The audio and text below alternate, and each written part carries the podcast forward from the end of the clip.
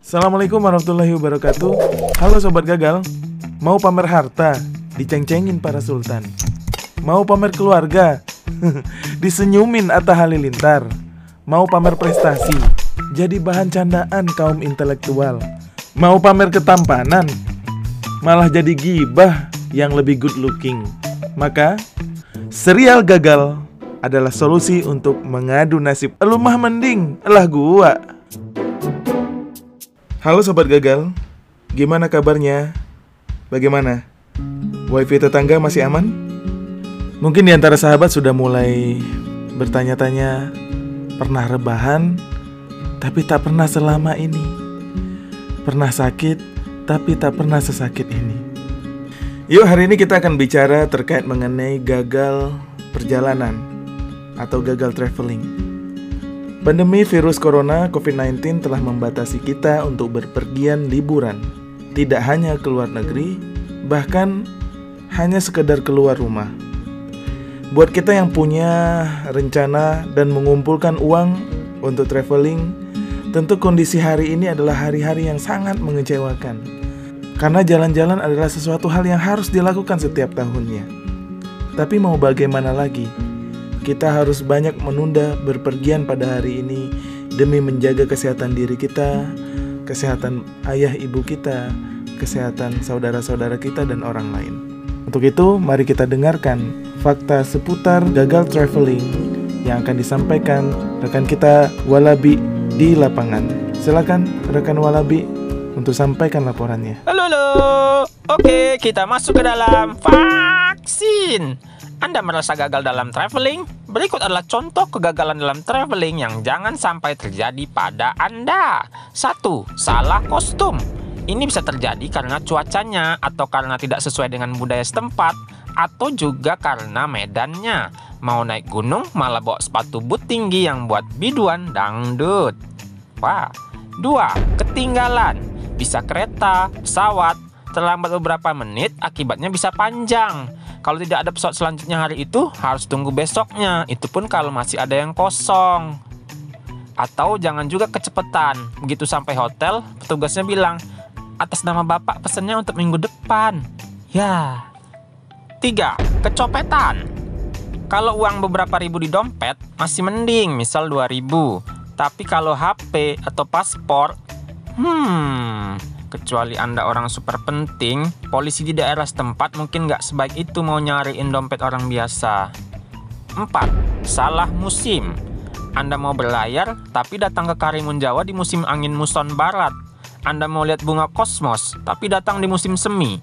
Anda mau berburu beruang, tapi datang di musim dingin. Beruangnya lagi tidur, Pak. 5. Kehabisan uang di tempat liburan ini bisa terjadi karena membuat anggaran sangat pas-pasan. Padahal sewaktu-waktu bisa aja ada kejadian tak terduga. Misal toilet umum di Prancis tarif pipis 2 euro. Tapi karena Anda minum banyak, jadi pipisnya kelamaan. Sehingga dikira boker sama petugasnya. Jadi Anda harus mengeluarkan 5 euro. 6. Jadwal tidur kacau. Biasanya ini karena penerbangan yang melintasi beberapa zona waktu berbeda. Anda berangkat malam, tidur di pesawat sampai di tujuan ternyata masih malam juga. Akhirnya malam itu Anda tidak bisa tidur lagi. Besok paginya Anda malah ngantuk. Ini biasa disebut dengan jet pump. Bukan dong, jet lag dong. Anda mau iklanin jet pump?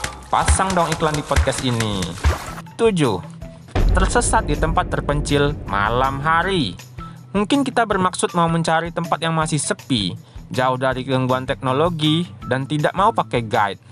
Atau bisa juga malah tersesat di tempat yang terlalu besar dan canggih seperti Incheon Airport, Korea Selatan.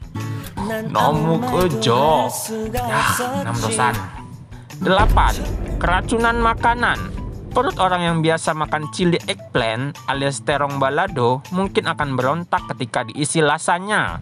Makanlah makanan yang halal dan baik. Nampak makanan viral, jangan langsung mencoba. Lihat dulu haram atau enggak. 9. Diserang warga atau hewan setempat. Mungkin gerakan Anda dianggap menghina dalam adat setempat.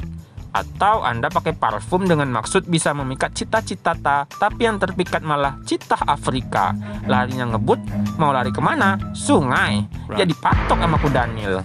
Fun fact, sebuah studi tahun 2010 menemukan bahwa berlibur tidak selalu membuat Anda lebih bahagia. Ternyata bagian terbaik dari traveling sebenarnya adalah ada pada tahap perencanaan dan persiapan. Hmm, mungkin itu sebabnya banyak orang yang berhenti hanya sampai tahap rencana dan wacana. Oke, kita kembalikan pada rekan di studio. Oke, terima kasih rekan Walabi yang sudah menyampaikan fakta mengenai serial Gagal Travel. Pesan molen, pesan moral keren. Mari kita belajar mengenai fenomena gagal traveling ini dari sebuah untayan kalimat yang disampaikan Ustadz Salim Afillah dalam bukunya Lapis-Lapis Keberkahan. Beliau mengatakan, kadang jalan lurus itu berkelok dan menikung, menanjak dan melongsor, membentang dan menghimpit. Jalan lurus itu curam dan terjal, deras dan gemuruh, keras dan luncing. Tugas hidup kita adalah mengemudi hati kita menuju Allah Subhanahu wa di jalan yang lurus maka pangkal kelurusan itu pertama-tama adalah hati yang tak pernah berbelok dari Allah sebab hanya pada Allah tunduknya, taatnya dan tentramnya. Lurus sebab hanya pada Allah yakinnya, pasrahnya dan kebajikannya. Lurus sebab hanya kepada Allah gigil takutnya, gerisik harapnya dan getar cintanya. Maka ya Allah, susurkan dan susurkan kami di jalan mereka yang kau limpahi cinta dalam sempit maupun lapangnya, senyum dan juga lukanya. Serial gagal. Serial gagal. Serial gagal.